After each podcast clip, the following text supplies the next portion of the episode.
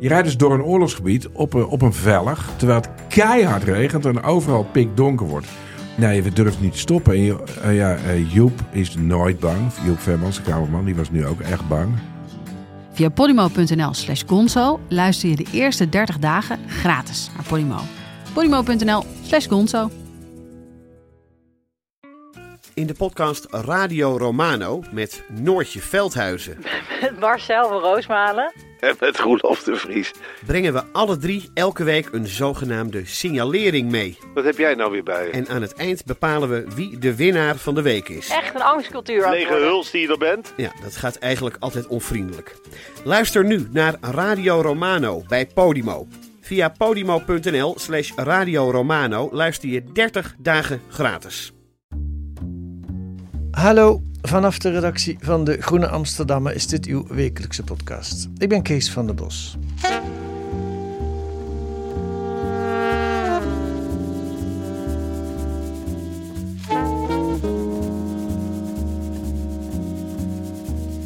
Het is 16 juli 1945. Hitler is al dood, maar de Japanners vechten nog door. Het is half zes ochtends. Het is nog donker. In een woestijn in New Mexico zitten Robert Oppenheimer en een hele serie wetenschappers klaar om te kijken naar een test. Volgens Oppenheimer ging er toen een zin uit de Bhagavad Gita, het Hindoe-epos, door zijn hoofd. Nu ben ik dood geworden, de vernietiger van werelden.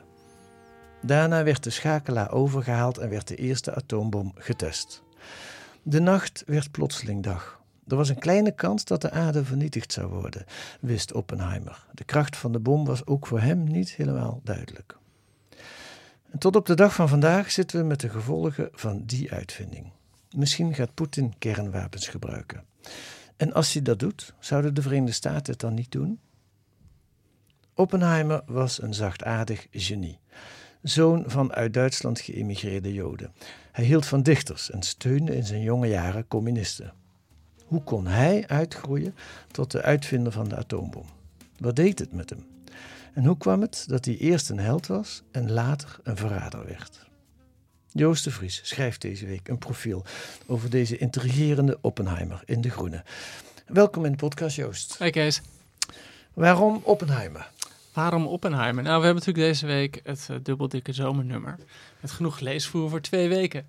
Eh, met als, als centraal thema intelligentie en, en alle vormen van intelligentie. Kunstmatige intelligentie, biologische intelligentie. Hoe onze darmen misschien wel een grotere invloed hebben op hoe we denken dan Ja. onze hersenen, et cetera, et cetera. En het leek mij interessant om te schrijven over de gevolgen van intelligentie. Of eigenlijk de, de eh, gevolgen waar je spijt van krijgt als slim persoon. Ja. En ik denk als je gaat kijken, dat, dat heb ik ook gedaan hiervoor, je hebt een hele lange lijst met uitvinders die enorm spijt hebben gekregen van dat ding dat ze hebben uitgevonden. En ooit zaten ze in een race om de eerste te zijn en om een, eh, de slimste te zijn en te bewijzen dat zij iets konden dat niemand anders kon. Om daar later op terug te kijken en denken, hier heb ik een catastrofale fout gemaakt. En dat heb je op heel veel dingen. Ik, ik, ik, kom bijvoorbeeld meneer Kalashnikov tegen van dat beroemde machinegeweer, eh, die op zijn doodsbed echt eh, in een soort spirituele nood kwam en dacht, mag ik mezelf wel christen noemen? Ja, dat ik ding- dat wist ik helemaal niet. Nee, Ja. ja, je hebt natuurlijk Alfred Nobel, eh, die die hele Nobelprijzen heeft opgericht. Eigenlijk met het idee om zijn uitvinding van dat dynamiet, ja, eigenlijk zijn naam te redden, zijn eer te redden. Je hebt de, de man die de, de retweet-button heeft uitgevonden. Die heeft er ook overal spijt van betuigd en gezegd van ik heb daarmee het publieke debat kapot gemaakt. En de bekendste in dit rijtje is natuurlijk J. Robert Oppenheimer, de uitvinder van een atoombom. Ja. Eh, die inderdaad, eh, wat jij zei, eh, de vraag is of hij het echt gezegd heeft. Hij heeft het later in een memoir geschreven van ik ben de dood geworden. Dood, vernietiger van werelden. Ehm, wel is duidelijk dat, dat hij, want daar zijn getuigen van de handschudden van zijn technicus. En die zei tegen hem, now we're all sons of bitches. Ja. Dus, dus de, de, de, al heel snel was er dat besef van, oh mijn god, ja. wat hebben we gedaan? Hij is ook vrij snel daarna weggegaan uit het project. Daar gaan we het allemaal nog over hebben. Maar ik begrijp, hier zit de romanschrijver Joost de Vries, die oog heeft voor de tragedie in de mens. Nou ja, ik, bij De Groene maken we, eh, proberen we veel profielen te doen. Dat, dat, is natuurlijk een heel fijn genre. En uh, soms is het heel leuk om een profiel te schrijven over iemand die, die in, zijn, in zijn eentje een, een grotere politieke tendens of intellectuele denktrand belichaamt. Maar het is toch ook altijd wel heel fijn als er iemand is met een fijn, uh, fijn menselijk tragedie in zijn of haar inborst. Ja. En bij, bij Oppenheimer was het dat zeker. Het was een hele intelligente man, het was een hele zachtaardige man. Ik weet niet of zachtaardig alleen. Het was ook een soort van rare, gekke jongen in zijn jeugd. Een beetje een halve incel die, die meisjes heel ingewikkeld vond. En ik bedoel, dat, dat, je, je hebt altijd heel veel meer materiaal dan je kwijt kan in zo'n stuk. Dus je had Ja. ook de scène dat hij in een trein zat in Londen. En dat hij een man en een vrouw zag zoenen. En dat hij daar zo van in de war ging. Dat hij ging proberen ook die vrouw te zoenen. Waar die man ongeveer bij was. Gewoon, het was ook gewoon een hele rare, rare snuiter was het natuurlijk. Ja, wereldvreemd. Ja, eigenlijk een beetje wereld, heel, heel elitair opgevoed. Dus eh, ze, Zouden we nu zeggen autistisch ook een beetje? ja, ja, het is altijd gevaarlijk om Ja. met terugwerkende kracht zo'n zo'n label erop te plakken. Maar zo komt het wel heel erg over. Maar ook wel oprecht dat zijn ouders waren eh, heel erg rijk. Heel Ja. erg kunstzinnig. Zijn moeder, eh, ja, die had allemaal Van Goghs en Picasso's. En, dat, en, niet, en die waren toen nog niet de grote namen. Want we hebben het over het begin van de 20e eeuw. Maar ze liet hem niet met andere kinderen spelen. En hij Ja. mocht geen hotdog op straat eten. Want het was, dus hij, hij is heel afgeschermd opgevoed. En is daar inderdaad een beetje eh, vreemd zachtaardig door geworden. Ja. Nou, laten we even naar hem gaan luisteren voordat we verder over hem gaan praten. Daar komt hij. Waar hij over gaat praten is over die test waar ik het eh, in de inleiding eh, over had. Eh, de Trinity-test is die Ja. gaan heten. Eh, waaruit moest blijken of het allemaal ook echt werkte zoals ze bedacht hadden. And that on the whole you're inclined to think that if it was needed to put an end to the war and had a chance of so doing, we thought that was the right thing to do. We knew the world would not be the same. Few people laughed. Few people cried. Most people were silent. I remembered the line from the Hindu scripture, the Bhagavad Gita, and says, Now I am become death, the destroyer of worlds. I suppose we all thought that one way or another. Nou ja, als het al een verhaal is dat hij aan die regel uit de Bhagavad Gita dacht, dan is het het verhaal wat hij zelf de wereld ingebracht heeft. Ja, ja, ja. En nou moet ik wel zeggen, het was wel iemand die eh, goed in zijn citaten zat. Het was wel iemand die heel, hele eh, passages uit gedichten en eh, dit soort boeken kon citeren. Dus het is niet geheel ongeloofwaardig Nee, dat nee. hij het gedacht zou hebben. En dit lijkt me ook wel een moment om, om zo'n eh, regel te memoreren, maar hij deed het ook te pas en te onpas. eh. Hij, de- hij, hij citeerde het heel graag. ja, ja. En wat er wel grappig aan is, is dat, eh, ik zei al, zijn ouders waren oorspronkelijk uit, afkomstig uit Duitsland, waren Joden.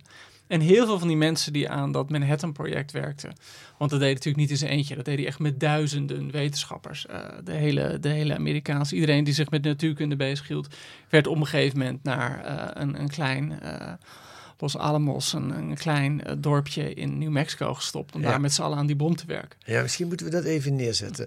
Hij, hij zegt het zelf ook al in het begin van het fragment wat we hoorden.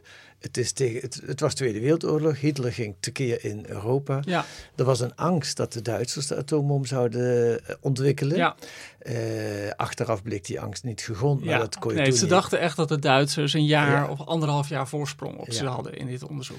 En toen hebben de Amerikanen echt een gigantisch project opgezet. Een, een, een enorme logistieke operatie. Heel veel geld erin gestoken om in een paar jaar tijd die atoombom, die nog heel ver weg was, kernenergie bestond nog niet. Dat Nee. was, eh, om die Nou, sterker nog, de, de splijt, het feit dat je een, een, een atoom kon splijten was ook nog maar, hè, dat is van 39. Ja, ja, Dus het is Ja. ongelooflijk in, in wat een tempo ze dat gedaan ja, hadden. Ja, En, en ik denk dat, en daar was Oppenheimer eh, wel echt de aanjager van. Hij Ja. leidde dat project. hij was de wetenschappelijk directeur. wetenschappelijk Ja, je directeur. had Leslie Groves, dat was de, de Ja. militaire man. Ja, dat was de man die zei van ik heb prikkeldraad nodig. Dan, dan had je iets aan hem. En, Ja. ehm, en, hij, en dat vond ik, vond ik een hele mooie beschrijving. Want hij stond bekend dat hij, dat hij gewoon heel slim was en heel goed kon denken. En, en in die groep natuurkundigen, waarvan de een naar de andere Nobelprijs won in de jaren 30, eh, was hij heel voornaam. Maar hij was niet per se de, de, de, de slimste of, of de, de, de hoogste autoriteit.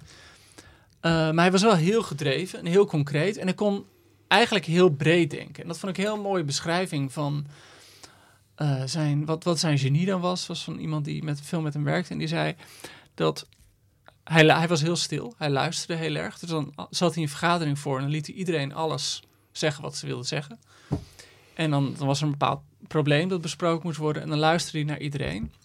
Stilletjes met, met zijn pijp of zijn sigaret, want eh, hij rookte non-stop. Kettingroken, ja. En vervolgens gaf hij een samenvatting van het probleem dat zo helder was en zo duidelijk was dat het volledig evident voor iedereen werd wat er gedaan moest worden. Dus hij kon door problemen heen kijken op een gekke manier. Dus, en en het, het barst van dat soort voorbeelden. Dat was zo'n man die eh, een rapport kon lezen van 20 pagina's. En dat las hij dan eventjes in een paar minuten.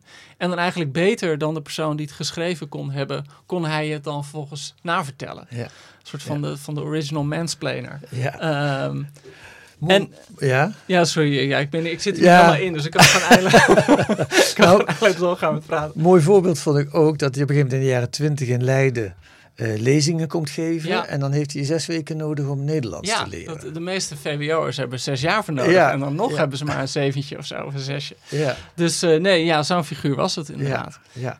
En dat wil ik ook nog even memoreren. Dat hoor je ook in dat fragment dat we net gehoord hebben. Ehm, het is geen... Hij, buigt niet, hij is niet heel prominent aanwezig. Integendeel, hij is heel voorzichtig. Heel veel lange stiltes vallen er in zijn zin. Ja, het, het, het, het was aan de ene kant was hij voor die wetenschappers op Las Alamos was het wel echt een goeroe. Dat was een man die heel charmant kon zijn. Die, hij was heel dun. Hij was echt op het ondervoeden af was hij dun. En toch, toch had hij wel een enorm aura om zich heen hangen. Maar niet op zo'n voor de hand liggende alfa manier. Dat hij Ja. overal het hoogste woord moest hebben. Of, Ja. ehm, Ja. Nee, nee, dat, dat had hij dan weer niet. Hij ontleende zijn autoriteit, denk ik, echt aan zijn kennis. Ja, als- nou, zijn, ken- en zijn manier zijn om inzicht. problemen op te lossen. Ja. Zijn inzicht. Ja. En wat, wat gewoon heel interessant is, denk ik, en, en van heel veel van die mensen die op Las Almas zaten, zijn, zijn ook biografieën geschreven. Omdat het allemaal hele prominente wetenschappers waren vaak. Maar wat, wat het ook heel interessant maakte, is dat er zaten bijvoorbeeld heel veel gevluchte Duitsers bij, eh, Joden vooral, die eh, in Duitsland hun vak niet meer konden uitoefenen en al, al lang naar Amerika waren gegaan. En ze ook heel erg met elkaar het idee, hebben, het idee hadden van wij moeten dit, dit, dit, deze, dit wapen ontwikkelen. We moeten Ja. die eh, atoom kunnen splijten eh, om Hitler te verslaan. Ja. En dan gebeurt er eigenlijk wel iets grappigs. Dat ze dan op een gegeven moment zover zijn en ze gaan richting die, die eerste Trinity-test. En vervolgens pleegt Hitler zelfmoord. Want hè, wie zit al, al in mei eh, 1945. En eigenlijk op dat moment beginnen, beginnen mensen al te twijfelen. Van, hé, hey, moet, moeten we dan, wat moeten we er dan nu mee?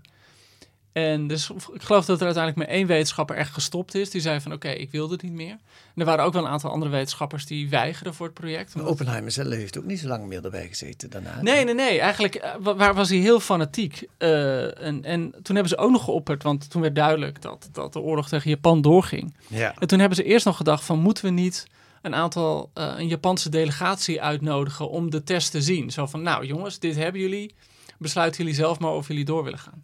Maar goed, toen zijn ze doorgegaan. En Toen zei Oppenheimer op die vraag, dat staat in jouw stuk, Ja. vond ik wel mooi. Ja, maar als die test nou mislukt. Ja. En toen zei iemand anders, ja, dan moeten we ze doodschieten. en dat kon Oppenheimer niet aan. Ehm, ehm, eh, en, maar wat, en eigenlijk gebeurt het al meteen. Dus ze hebben dan die, die, die Trinity en die gaat goed. Ja. Dus je hebt die, nou, dat is heel veel beschreven. Een soort van oranje, wit, eh, rood, geel licht dat verkleurt. En daarna een soort van paarse eh, gloed die door de hemel gaat. Het is verschrikkelijk. Hè? De natuurkracht die je ziet is onvoorstelbaar. Ja, en, en er zat wel een element in dat ze ook wel eens tegen zichzelf zeiden van... we zijn niet een wapen aan het maken, we zijn gewoon de natuur aan toepassen. Dit, dit kan, dit bestaat, dus daarom moeten we het... Ze zagen zich ook een soort van wetenschappelijke ontdekkingsreizigers. Ja. Maar toen had je eigenlijk dat eerste moment, zeker dat dit wapen dus op 6 augustus voor het eerst werd ingezet in Japan. En dat wetenschappers echt stonden te kotsen. Dat mensen helemaal misselijk waren. Dus Oppenheimer kwam ook meteen in een soort van hele gekke depressie terecht. Of een gekke, eigenlijk wel een, een voor de hand liggende zelfwalging. Van god, dit heeft de wereld voorgoed veranderd. Ja. En hij kwam toen al redelijk snel, moest hij naar Truman toe. De die was net nieuw president geworden, Roosevelt is overleden. Eh, Ja. En die zei tegen hem van, eh, weet je, weet je eh, wanneer de Russen dit wapen hebben? Dat zal ik je vertellen. Nooit. En Oppenheimer wist gewoon, ja, ze gaan heus wel binnen een paar jaar dit wapen hebben. Want daar zitten ook hele goede wetenschappers. Dus, dus het optimisme dat er in militaire en politieke kringen omheen hing, dat, daar kon hij helemaal niet bij met zijn hoofd. Hij vond het heel verdrietig. En toen begon hij, al, daar binnen een paar maanden stopte hij als directeur. En hij werd daar nog wel een heel prominent figuur in de, de senaatscommissies en de politieke commissies die over kernenergie gingen en kernwapens gingen. Maar eigenlijk begon hij al heel snel te zeggen, jongens, rustig, dit minder, minder, minder. En toen kwam ook het idee, hè, nou, je, je had de atoombom, dat is zeg maar de bom 1.0 en dan de waterstofbom Ja. is 2.0. Edward Teller was daar. Edward Teller, van, ja, inderdaad. En eigenlijk was hij daar helemaal op tegen, omdat Ja. hij echt dacht, dit is het einde. Ja, ja. Nog heel even over het Manhattan-project. Dan, dan, dan, dan gaan we daarna over de, het spannende vervolg door. Ik heb in, in de jaren negentig zo ooit twee oude wetenschappers eh, geïnterviewd. Die waren toen in Londen op het congres van 40 jaar kernenergie. Ja. Die, die erbij waren. Dat waren jonge broekjes die, die Oppenheimer met amper wel eens Ja, maar echt verbluffend. Je hoort echt van die jongens van 18, 19 die erbij ja. waren. En die zeiden, het was fantastisch. Dit was het hoogtepunt van de wetenschap. Hier waren alle slimmeriken van de wereld bij elkaar. En wij, wij, wij, wij maakten sprongen en vorderingen. Die waren nog steeds lyrisch. Maar zal ik je een grappig verhaal vertellen. Dit is, eh, dat kon ik niet in mijn stuk kwijt. Maar dat vind ik zo'n grappige anekdote. Hoe de Russen ontdekten dat eh, er een atoombom aankwam. Nee, dat Nou, het was niet. een, ehm, een, een eh, Sovjet kerngeleerde jonge, jonge vent nog. En die diende in het leger. Dus die zat aan het front. Op een gegeven moment werd hij met verlof gestuurd. En toen dacht hij, want hè, dat doe je als je na- natuurkundige bent. Je, nou, ik ga even naar de bibliotheek. En dan ga ik even lezen wat voor artikelen er zijn verschenen. Want hij, hij, hij hield gewoon de academische teksten bij. En hij begint door die tijdschriften heen te bladeren. Niks. Niks. Gewoon geen artikel. Hij zag opeens drie jaar lang hebben de meest vooraanstaande natuurkundigen geen artikelen meer gepubliceerd. En toen wist hij van ja, dat kan maar één ding betekenen. Die zitten met z'n allen zijn zo'n bom aan het maken. Dat is een heel grappige, Ja. eh, grappige Ja. ironische manier hoe dat dan... En die is toen meteen naar de Sovjet gestapt van jongens, pas op. Ja, eh, dit wapen komt eraan. ja. Maar ja, daar konden ze verder weinig mee. Nee, nee, informatie. nee. Ja, En ik denk dat meneer Groves, daar zal het wel goed mee gegaan zijn na deze... eh, ja die, zal- heeft gewoon keurig carrière gemaakt. Ja, En ja. is heel, heel loyaal gebleven aan Oppenheimer. Het waren twee hele verschillende mannen, maar wel met een grote waardering voor Ja. elkaar. Hoe ging het met Oppenheimer verder? Hij, ging dus, hij, nam ontslag bij, eh, aan bij het project, bij het Manhattan-project. Hij werd een belangrijke man in de atoomcommissie in, in Ja, Amerika. gewoon Dus, eh, voorpagina van Time. Dat is gewoon echt een, een wereldberoemd figuur. Ja. Over de hele wereld lezingen geven, noem maar op. ja, en toen? Nou, Want er zit een val aan te Er komen. zit een val aan te komen, ja, anders is het niet tragisch genoeg Nee. natuurlijk. Nee, nou ja, kijk, iedereen weet in de jaren 50 eh, begon het Mac- McCarthyisme. Joseph McCarthy eh, was ervan overtuigd dat er allerlei, eh, ja, eh, dan wel communisten, dan wel Russische spionnen bij buitenlandse zaken zaten en in het leger zaten. En die begon echt die hele publieke heksenjacht. Ja, En op een gegeven moment kregen ze Oppenheimer in de smiezen. En eh, Oppenheimer had ook gewoon vijanden gemaakt. Hij had zich heel vaak tegen verdere verspreiding van nucleaire wapens uitgesproken. Had heel erg zijn, zijn eigen politieke en economische gewicht ingeschakeld om die waterstofbom te voorkomen. ja, dat is allemaal verdacht eigenlijk. al, Allemaal verdacht. En, Ja. Maar hij deed ook wel veel om zich verdacht te maken. Ik bedoel, hij, was bijvoorbeeld, hij is wel eens benaderd door Hakon Chevalier, een prachtige naam. Ja, medewetenschapper? ja, was een, was, ja, maar een letterkundige, geloof ik. En die, die werkte voor de Sovjets. En die kwam naar hem toe. Daar was hij mee bevriend. Kende hij al heel lang. Van, hey, kun je ons niet wat, wat geheimen doorspelen? En hij heeft gezegd, nou nee, dat doe ik niet. Maar vervolgens heeft hij dat pas heel laat verteld aan de veiligheidsdiensten. En toen hij het aan de veiligheidsdiensten vertelde, had hij een beetje een soort van raar smoesje, maakte hij ervan. Hij wilde niet helemaal eerlijk zijn. Want hij wilde zijn vriend niet. Hij wilde zijn vriend niet verraden. En zijn broer was communist van Oppenheimer. eh, zijn voormalig minnares, die eh, zelfmoord had gepleegd. Maar dat is natuurlijk altijd verdacht eh, in, in die kringen. ehm, was communist. Hij had allerlei geld gegeven aan communistische zaken. Aan eh, vrijwilligers, bijvoorbeeld van de, de burgeroorlog in Spanje. En daar had hij altijd schimmig over gedaan. Dus hij, ik bedoel, hij gaf ook wel redenen om te denken van... kunnen we je vertrouwen? Hij, Ja. werd, hij werd eh, eind jaren 40, begin jaren 50 werd hij ook gevolgd door de veiligheidsdiensten, want die, die moesten hem gewoon in de gaten houden. Ja, en dan ging hij bijvoorbeeld bij die Chevalier, die gewoon bekend stond als spion, die woonde inmiddels in Parijs, ging hij gewoon gezellig op de koffie. Ja, dat is niet, niet super handig in, in dit soort momenten. Nee. Eh, dus op een gegeven moment moest zijn, eh, ja, hij had een soort van, veiligheidsclearance, hoe zeg je dat? Hij had toegang tot bepaalde staatsgeheimen. Dat moest verlengd worden. Ja. En dat was het moment dat toen eh, zowel de FBI als een aantal andere politieke actoren besloten van, weet je wat, we gaan hem die niet geven. Maar dat doen ze dan op zijn Amerikaans, Ja. met, met een mooie hearing. Ja, dat is We- heel we- erg de, het, het medium van die tijd. Ja. Ja. nog steeds een Amerikaan er wel gek op. Dus het was een, een, inderdaad een eh, semi-openbare eh, ja, overhoring eigenlijk, verhoor. Ja, waarbij Oppenheimer zelf aan het woord kwam, maar ook Edward Ja. Teller eh, en ook eh, allerlei mensen. Edward Teller die inmiddels een grondige hekel aan Ja, Oppenheimer had eh, gekregen. ja, Teller die, die was op Los Alamos in de oorlog een paar keer voor promotie overgeslagen. Hij was heel erg obsessief bezig met de waterstofbom. Ja. waar eh, ehm, eh, Oppenheimer zelf op tegen was. Dus die man die, die had een soort van ja, gegronde hekel aan hem. En het bleek later, en op, op, op dat moment leek het allemaal nog alsof het spontaan, maar die teller bleek ook heel erg, zeg maar, de openbaar aanklager, om het even zo te noemen, met allerlei informatie voorzien te hebben, geheime informatie, om, om Oppenheimer zwart te maken. Dus die was echt met een hele nadrukkelijke campagne bezig om hem kapot te maken. Maar wat ik Kijk, dat, dat zijn een soort van politieke machinaties waar je als publiek persoon in terecht kan komen. Maar wat ik er ook iets heel traag, tragisch menselijks aan vind bij Oppenheimer, is dat toen hij een klein jongetje was, werd hij veel gepest. Of tenminste, hij, zijn vader die wilde dan een beetje een vent maken, stuurde naar een zomerkamp. Werd hij heel erg gepest. En op meerdere momenten in zijn leven liep hij tegen mensen aan die met dédain over hem spraken of er waren huwelijksproblemen. Hij had het als een soort, ik weet niet of het, het voelt bijna alsof het uit zijn intelligentie voortkomt. Alsof, het, alsof hij het beneden zijn stand vond om voor zichzelf op te moeten komen.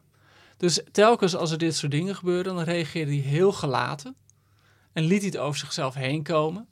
Op een hele soort van stoïcijnse manier. Daar, daar, streefde hij echt naar.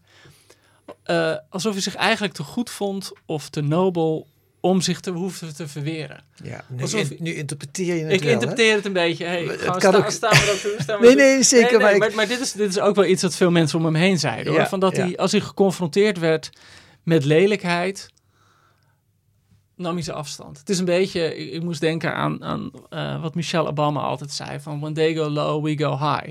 Alleen het probleem is, eh, en dat zag je bijvoorbeeld bij die, die, die, eh, dat verhoor. Op een bepaalde manier weigerde hij zich echt te verweren. Dus er ging heel, allemaal van die woordspelletjes spelen. Eh, en, en in die commissie zaten echt een aantal mensen waarvan hij wist dat ze een hekel aan hem hadden. En dan ging hij niks doen om ze tegemoet te komen. Dus hij maakte het ook echt heel moeilijk voor Ja, een soort arrogantie lijkt dat te zijn. Ja, het, ja, is het arrogantie of is het een, een... Ja, het is in ieder geval een soort misplaatst soort superioriteit aan de situatie. Het, is, het, het gevoel is heel erg dat mensen dachten van... hij voelt zich hier te slim voor. En dat is- dus ik dacht van, eh, hè, met het oog op dit themanummer... is dit weer zo'n moment dat iemands intelligentie zich tegen hem keert. Ja, want het heeft zich tegen hem gekeerd. Ja. Want hij heeft die clearance niet gekregen. Ja, maar dat, dit vind ik dus ook zo'n heel merkwaardig moment. Dat eh, een van de laatste dagen van het verhoor was dus die Edward Teller. Die naaide hem volledig erbij. En die zei heel duidelijk van, nou, volgens mij is deze man is zo schimmig en zo onbetrouwbaar. Daar moeten we goed over nadenken. Wat eigenlijk een manier was om te zeggen, niet doen. Volgens loopt, dus hij geeft een vernietigende verklaring. Volgens loopt hij op door de zaal, langs Oppenheimer. En volgens staan ze stil, kijken ze elkaar aan. En Teller geeft hem een hand. En Oppenheimer pakt die hand terug. En Teller zegt, het spijt me. En Oppenheimer zegt, geeft helemaal niet. Niks om je voor te schamen. Het zo'n raar moment is. Ja. Ja. En eh, voor, voor Teller pakt het ook niet goed uit. Want hij werd daarna een... Ik bedoel, hij heeft eh, een goede carrière gehad. Maar voor heel veel mensen werd hij echt als een paria behandeld. Ja. ja, want Oppenheimer werd eh, als een verrader weggezet door die commissie. Maar later in de internationale gemeenschap is dat niet overgenomen. Oppenheimer werd nog steeds... eh, Nee. Maar hij verloor wel die, die primaire positie, Ja. of- of Ja. zeker gedurende de hele jaren 50. Pas eigenlijk onder Kennedy werd hij weer een beetje eh, in ere hersteld. Ja. En hij kreeg een hele fijne baan als, als, eh, aan, aan Princeton. eh, als voorzitter van, ik ben even de naam vergeten, maar zo'n hele mooie commissie waar later Robert Dijkgraaf Hmm. eh, eh, directeur van is geweest. Dus Robert Dijkgraaf, die woonde ook in het huis van Oppenheimer. Kijk. En ik had een keer met, met Robert Dijkgraaf en eh, zijn vrouw Pierre de Jong hierover. Want ik, ik was in Oppenheimer. Al jaren ben ik hierover geïnteresseerd. Dus ik hoorde dat zij in dat huis wonen. Toen sprak ze een keer op een feestje. En die zeiden van ja, wij zaten dus elke ochtend met die Picasso te ontbijten. die Picasso die zijn moeder had gekocht. Die, die hing nog in Ja, die hing daar. Daar ja, zitten nog ja. de spetters op van de, de, de, de muesli van Robert eh, Dijkgraaf. Prachtige verhalen en drama. En nou goed, lees het allemaal in het artikel. Nog één, één belangrijk ding wil ik eruit halen. In de zin van, eh, was het nou terecht dat Oppenheimer zich schuldig voelde? Ik bedoel, hij heeft iets lelijks uitgevonden. Eh, de atoombom. Van de andere kant, sommige mensen zeggen dat de Tweede Wereldoorlog erdoor beëindigd is. Anderen zeggen nee hoor, dat kwam doordat de Russen Japan aan het aanvallen waren. Nou, ja, inderdaad. dus- ja, dus- de vraag zat of... Ja, was, ja, wie er gelijk heeft. Ja. Maar het feit is dat het een, een, een wapen is wat sindsdien op min of meer de wereld in zijn greep houdt. Ja. De, de ontwikkeling daarvan. Maar ben je daar nu als uitvinder verantwoordelijk voor? Nou, dat is een heel mooi dilemma. En het moeilijke is met Oppenheimer, het is niet dat hij in zijn eentje die bom heeft on- ontdekt. Daar was een, ja eigenlijk, en dat is een beetje hetzelfde misschien als AI nu. Kijk, Eh, je hebt artificial, Artificial intelligence. Ik Ja. bedoel, je hebt nu een van de, de, de, de aartsvaders van de artificial intelligence spreekt zich nu overal uit dat hij zich voor schaamt. Dus. Maar Ja. uiteindelijk is een, een hele beroepsgroep hiermee bezig. Ja. En het was met die atoombom ook zo. Een hele beroepsgroep, niet alleen hij, een hele beroepsgroep was bezig die bom uit te vinden. Ja. En misschien nog niet letterlijk als een militair wapen, maar wel met het idee van wacht eens, je kan de atoom splijten, daar komt ongekende hoeveelheden energie mee. Ja. Daar kun je iets mee. Ja. Dus het, het- en, maar goed, dan kom je weer bij een ander dilemma. Want dan gaat iedereen zal altijd zeggen, ja, het was onvermijdelijk. En als ik het niet had gedaan, had iemand anders het wel Het gedaan. zat in de natuur. het zat in de natuur, ontdekken. ja. Maar het probleem is natuurlijk dat als iedereen dat zegt, ja, dan zeg je eigenlijk ook dat je er geen verantwoordelijkheid overdraagt. Dus op een bepaalde manier heeft Oppenheimer die verantwoordelijkheid op zich genomen. Ja. En heeft hij in zijn latere carrière heel vaak spijt voor betuigd. Heel erg zijn best gedaan om die nucleaire wapenwedloop af te remmen. ja, om het monster weer te En, beteugelen. en misschien is dat wel het enige nobele wat hij kon doen. Namelijk die verantwoordelijk, ook al is het niet helemaal zijn verantwoordelijkheid. Het feit dat hij dit zo op zich nam en dit met zoveel vroeging uitdroeg, maakte het ook op een bepaalde manier een onderwerp waarover gesproken kon worden. Ja. Eh, en het feit dat er nu eh, Christopher Nolan, een van de populairste regisseurs, nu die film over hem maakt. Oh ja, want dat moeten we niet vergeten ja, te moeten we vermelden. niet vergeten. Dat is een van de aanleidingen om dit te doen was dat Ja. er een hele grote Hollywood-productie aankomt. 21 juli Eh, in de, ja, in te de bioscoop. En en ja, dat is niet voor niks dat het over hem gaat. Hij, hij, droeg, hij nam die verantwoordelijkheid. Ja, hij leefde eigenlijk het dilemma, zou je kunnen Ja, zeggen. hij, hij leefde het, eh, ja, eh, die, de paradox Ja. en, en het verdriet van, van de uitvinding. Hij pakte de roem en hij pakte de tol. Hij pakte het martelaarschap, in Ja. feite. Ja, en dat hebben, dat zou je eh, ja, vanuit de Griekse mythologie is het Prometheus-thema. Ja, Hè? nee, dat boek, dat, dat- een van de grootste biografieën die over hem geschreven is, eh, heeft de Pulitzer gewonnen van Kai Bird en Mar- eh, Martin Sherman. Die heet ook American Prometheus. Ja, Ja, ja, ja, Prometheus gaf het vuur aan ons, de mensen, Ja. en is daar gruwelijk voor gestraft door de Ja. goden. Ja, ja, ja, nou, ehm, ga naar die film. Eh, Ja. eh, ik wel in elk geval. eh, en lees dat artikel, dat heb ik al gedaan. Dankjewel Joost voor Ja. dit gesprek. fijn dat zijn, Kees.